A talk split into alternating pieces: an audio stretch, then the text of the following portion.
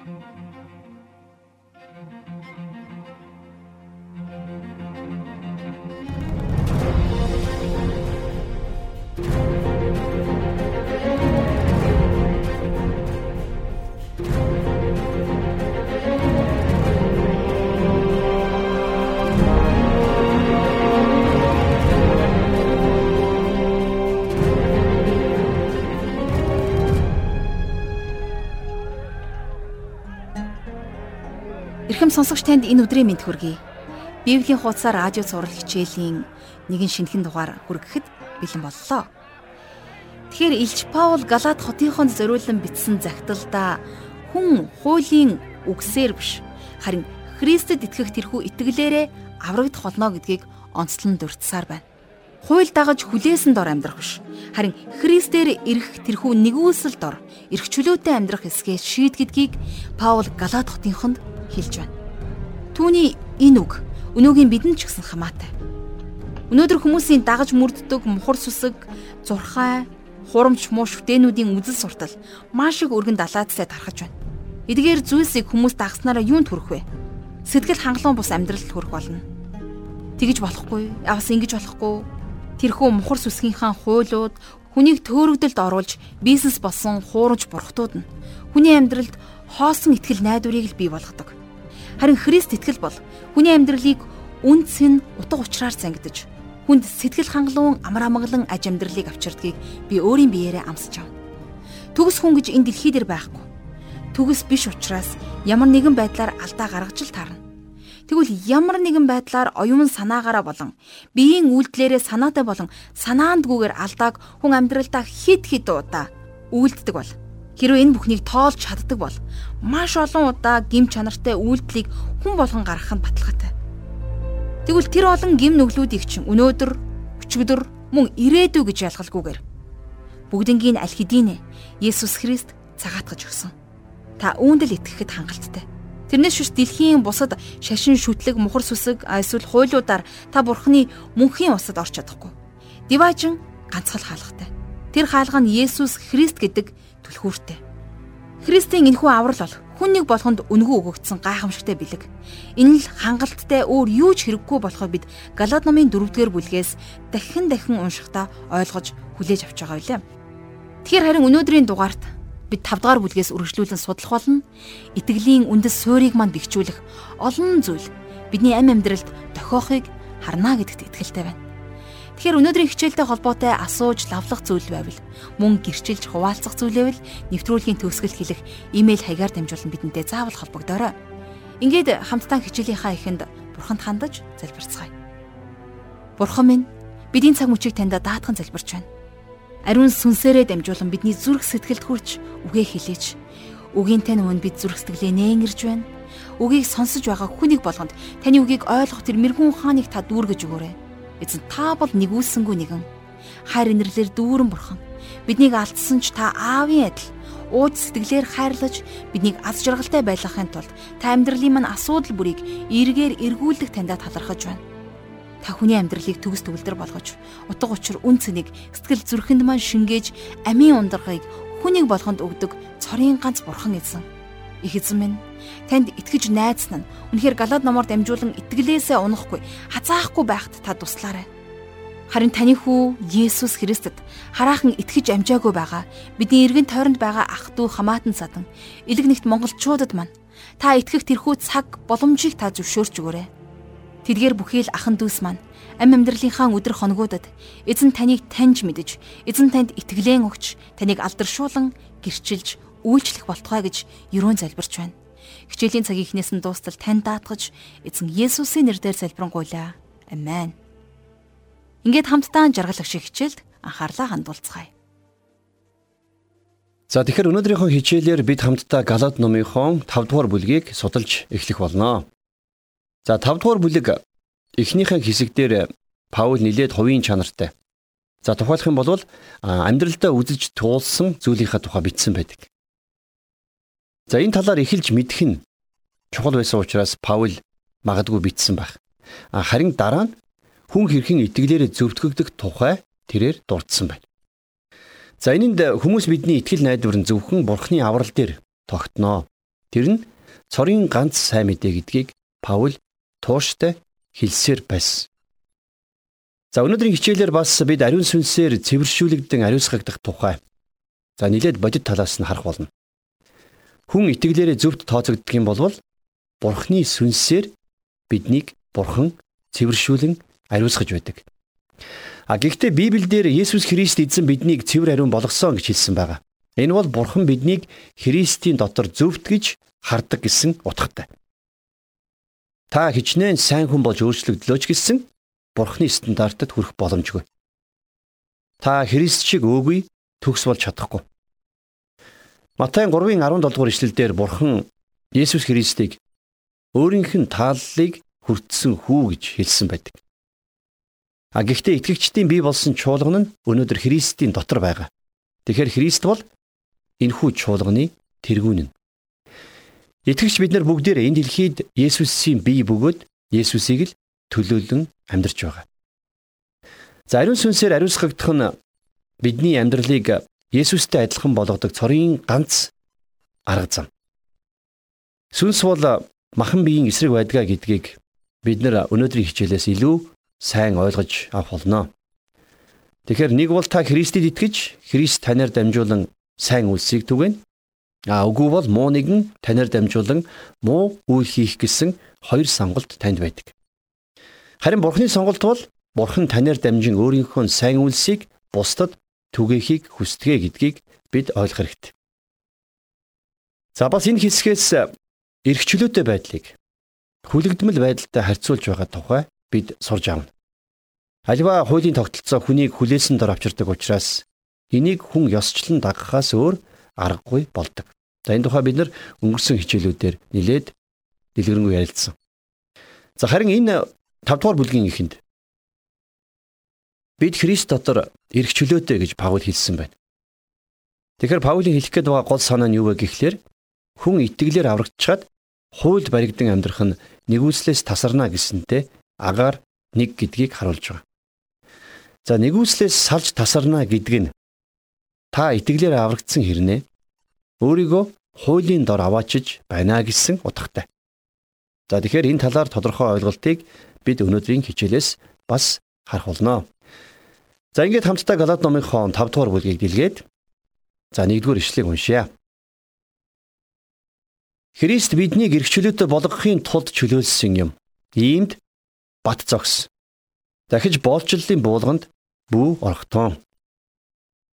За тэгэхээр энэ 1-р ишлэлээс харах юм бол Паул биднийг хуулиар биш харин итгэлээрээ аврагдсан гэдгийг хэлсэн байна. За дээрэс нь хууль нь итгэгч хүний амьдрах дүрм биш юма гэдгийг онцлсан байгаа. Бид нэр хуучин гэрээний хуулийн хүлээсэн дор амьдрах ёсгүй. Хуулийн зарчим нь Христ итгэлт хүний амьдрах дүрм биш. За нэгэнт нэгүслэр аврагдсан болохоор үргэлжлүүлэн тэр байдлаараа амьдрах учиртай гэдгийг Паул итгэгчдэд хандан хэлж байна. За нэгүсэл нь өөрөө биднийг ямар ч хууль дүрмийн шаардлагаас илүү дээр төвшөнд амьдрах чадварыг өгөгч ариун сүнсний дүүргэлтээр амьдралыг хангаж өгдөг юм. Христийг аврагчаа гэж итгэхэд бидэнд ирэх хувь тавилан бол энэ. Христийн дотор аврал, ариусл гэд бид нар бүгдийг нь хүлээж авсан. Дараачийн ивэл хэрэгтэй байна. Эсвэл илүү том ивэл хэрэгтэй байна гэж битгий яриарэ. Намайг Христээр ирэхэд хэрэгтэй бүхэн маань өгөгдсөн. Христийн доторх бүх сүнслэг ивэлэр намайг ивэгдэж өрөөгдсөн гэдгийг Паул хэлж байна. Ямар нэгэн дүрм журмыг эсвэл майн мэгзэмшиг цээжилж тийм ээ. За хуулийн тогтолцоог дагах гэж оролдохоо болж харин оронд нь Есүст итгэж найдаж Есүсийн дотор алхаж амьдарцгаая гэж Паул хэлж байна. За нэгдүгээр ишлээс дахиад харах юм бол Паул нэгэн зүйлийг их тодорхой хэлж байна. Юу вэ гэхлээр Христийн дотор бид нэр ирэх чөлөөтэй гэж. Тэгэхээр Есүс биднийг ямарваа нэгэн хууль журмын дор авчраагүй. Мэдээж Христэд итгэдэг хүмүүс нэгүслийн дор байгаа ч гэсэн 10 хуулийг зөрчихгүй нь ойлгомжтой. Харин ч энээс илүү өндөр стандартанд амьдрахаар дуудагдсан. Тэгэхээр энэхүү төвшин нь Христийн дотор биднийг эрх чөлөөтэй байлгадаг. Та бид нар Христийн дотор эрх чөлөөтэй. Тэгэхээр жинхэнэ эрх чөлөө гэдэг бол ямарваа нэгэн дүрм журм биш, харин зарчим юм, тийм ээ? За энэ бол би бурханд таалагдахын тулд амьдрч эхэлнэ гэсэн үг. Миний хийж байгаа үйл хөдлөл зөвхөн Христэд таалагдахын тулд болохоос биш. Хүнд эсвэл нэгэн байгууллагад таалагдахын тулд биш. За эн чинь л бидний Христийн доторх хэрэгчлөөг хэлж байгаа юм шүү дээ. Христ та биднийг эргчлөөтэй болгосон учраас бат зогсож боолчлолын буулган дор дахин орох шаардлагагүй. За хоёрдугаар ишлэл. Харах тун. Хэрв та нар хоцлуулбал Христ та нарт ямар ч тус болохгүйг Паул би хэлж байна гэж. За хоцлуулна гэдэг бол хуулийн гол таних тэмдэг байсан. Аливаа таних тэмдэг буюу бидний ярьдгаар символ тийм ээ таныг ямарваа нэгэн байгууллага эсвэл эвсэлд харьяатай гэдгийг чинь илтгэж байдаг. Тэгэхээр үүнтэй адилхан хөвч хөндүүлэх буюу хоцлуулах гэх мэт хуулийн таних тэмдгийг зүүснээр Христ тэднэрт ямар ч ач тус өгөхгүй гэдгийг Паул Галат хотынд сануулan хэлсэн байна. За Христэд итгэх итгэл дээр нэмэх нь өөр ямарваа нэгэн зүйл гэж та бодож байгаа бол та нар аврагдаагүй гэсэн үгийг Паул маш тодорхой хэлж байна. Тэгэхээр хуулийн таних тэмдэг болсон хөвч хөндөх эсвэл өөр ямарваа нэгэн зүйлийг Христэд итгэх итгэл дээр нэмж хийх гэж оролдож байгаа бол Христ таны хувьд ямар ч үр ашиггүй болох нь. Авралынхаа төлөө Есүст итгэхээс илүү өөр зүйлээр оролдох юм бол Христ тухайн хүний амьдралд ямар ч үр ашиггүй л болж таарч байна тийм ээ. Хэрвээ та Христэс өөр зүйлд найдаж явдаг болвол таныг Христэд итгэгч гэж хэлэхэд хэцүү болно. За 3 дугаар ишлэгийг хамтдаа уншийе. Хоцлолыг хүлээн авсан хүн бүрт би дахин гэрчлэе. Тэр хүн бол бүх хуулийг биелүүлэх өртөн мөн гэсэн байна. Хэрвээ хуулийг даглалвал цаашид ганц нэг хэсгийг нь биш харин үлдсэн бүх хэсгийг бүрэн бүтнээр нь сахиж мөрдөхөөс аргагүй болно шүү дээ. За би л хувьдаа хуулийн дор хүлээсэн үүрэг байхгүй да баяртай байна. Харин ч Христ Есүсийн дотор эрх чөлөөтэй нэгэн гэдэгтээ баяртай байдаг. Хэдийгээр би асуудалтай ч таалагдахыг хүсдэг цорын ганц хүн маань бол Есүс Христ. Ингэх ёстой, тэгэх ёстой гэсэн дэг жаягт би баригдахгүй. Хөвч хөндүүлэх буюу хоцлуулах ёслол мэтийг хүлээн авсан тэдгэр хүмүүс бол хуулийг сахин биелүүлэх өртөө хоторсон гэж Паул маш тодорхой хэлсэн байна. За дөрөвдүгээр ишлэл дээр Паул ингэж бичсэн байна. Хуулиар зөвтгөгдөхийг оролдож байгаа та нар Христэс арилан нэгүслээс салж унжээ гэж. Эхэлж Христэд итгэн аврагдчихад харин дараа нь хуулийн төвшөнд өөрийгөө буулган амьдрах гэж оролдож байгаа бол хин нэгэн хүн нэгүслээс салан унсан гэж Паул хэлж байна. Тэгэхээр нэгүслээс сална гэдэг нь энэ юм. Паул энэ талаар сүүлчийн бүлэгт бас дурдсан байна. За бас дээрэс нь Ром хотынд бичсэн загталтаа хүртэл энэ тухай бичсэн байдаг. Тэгэхээр Бурхны хийдэг гайхалтай хоёр ажил байдаг. За юу вэ гэхлээр нэг нь аврал, за нөгөөх нь ариусгал. Тэгэхээр бидний харж байгаачлан аврал бол итгэлээр ирдэг. Энэ бол маш чухал ойлголт. Харин ариусал гэдэг нь бол та аврагдсныхаа дараа шинэ амьдралаар амьдрч эхлэхийг хэлж байгаа юм. Тэгэхээр сайн үйлс бүтээх гэж оролдохоос илүүтэйгээр бид сайнаар амьдрах ёстой. Хэрвээ бид нар Христэд таалагддаг бол сайныг үйлдэн амьдрах л болно. Тэгвэл Бурхан яаж аврагдсан нүгэлт нэгнийг сайн болгох юм бэ? Бурхан тэр хүнд шин мөн чанарыг өгдөг. Тэгвэл хуулийг дагах ёстой юу гэвэл огтхон ч үгүй. А гэхдээ энэ нь мэдээж хууль зөрчиж болно гэсэн үг биш. Харин тэр хүн тэрнээс ч илүү дээр өндөр стандартад амьдрах боломжтой болж байна гэсэн үг. Хуучин мөн чанарт сайн зүйл гэж өрдөөсөө байхгүй. Гэхдээ Паул шин мөн чанарт ч гэсэн хүч чадал байхгүй гэдгийг ухаарсан байна. За энэ тухайга тэрээр Ром хотынд бичсэн захидлынхаа 7-гийн 18 дугаар эшлэлдэр ингэж бичсэн байна. Учир нь миний дотор буюу махбодод минь ямар ч сайн зүйл байдаггүйг би мэддэг. Учир нь миний дотор хүсэл байвч харин сайныг хийх нь үгүй гэж. Тэгэхээр бурхан хүний амьдралд сайныг хүсээд түүнийгээ үйлддэг бол хүнч бас өөрийнхөө амьдралд сайныг хүсээд мууг үйлддэг. За энэний хамгийн том тод жишээ бол хүмүүсийн хорт зуршил За арх тамхи гэх мэтчлэн. Хүмүүс арх тамхиг сайхан болох гэж хэрэгэлдэг. Сайхан болох байсан бол өдийд өчнөн олон хүний амьдрал сайхан болохоор байсан шүү дээ.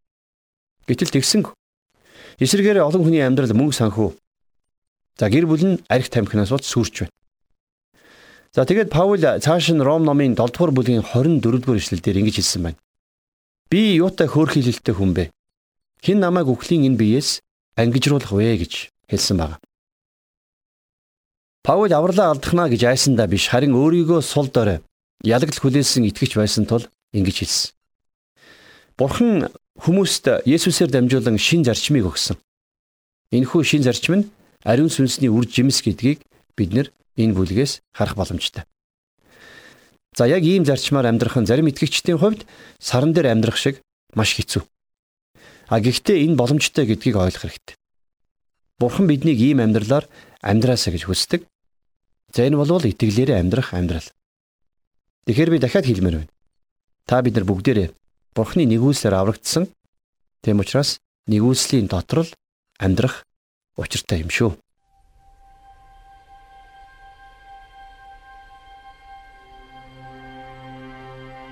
Тэгэхээр бурхан биднийг авраа зогсоогүй. Мөн түүний нэгүсэл дор зөв амьдралаар амьдрах сүнсийг бидэнд өгсөн. Түүгээр бид амьдралдаа зөвийг үлдэж бурханы таалалд нийцэхээр амьдрч чадна. Яг үнэндээ түүнгүүгээр бид энэ амьдралын альва уруу татлахад хүчин мөхс болно. Бурханы нэгүсэл байгаа учраас бидэнд үргэлж найдвар байдаг. Миний хувьд би өөрийгөө ямар нэгэн хуулийн хүлээсэн дор оруулж дэг жаяг мэтийг сахиж чадсангүй гэж буруутгаж суухахаа оронд Бурхны нэгүсэл дор Христ дотор эрх чөлөөтэй амьдрахыг илүүд үздэг. Яагад гэвэл Бурхан миний хууль журам сахиж байгаа эсхийг биш. Харин эзэн Есүс Христийг аврагчаа гэж итгэн хүлээн авсан уу гэдгийг л хардаг. Хүүд нь итгэсэн цагт зөвхт амьдралаар амьдрах нэгүсэл болон хэрэгтэй тэр бүх ивэл өрөөл дагалдаа ирдэг. Энэ бол бидний ойлгож авсан нэг зүйл байгаа. Тэгэхээр өнөөдөр Бурхан бидэнд хэлсэн нэг чухал зүйл нь чи Христэд итгэж авралыг олж авсан ч чи гимт мөн чанартай хүн шүү гэсэн үг байсан.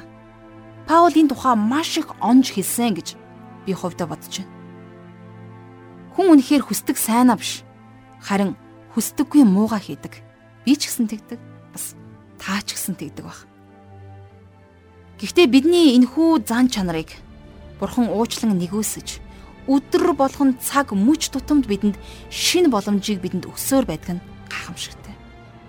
Энэ хүрээд өнөөдрийн хичээл маань өндөрлөж байна. Харин сурсан болгоныхоо төлөө түүнд талархлыг өргөж бас хэрэгжүүлэх хүч чадал нэгүслийг гуйж залбирсгая.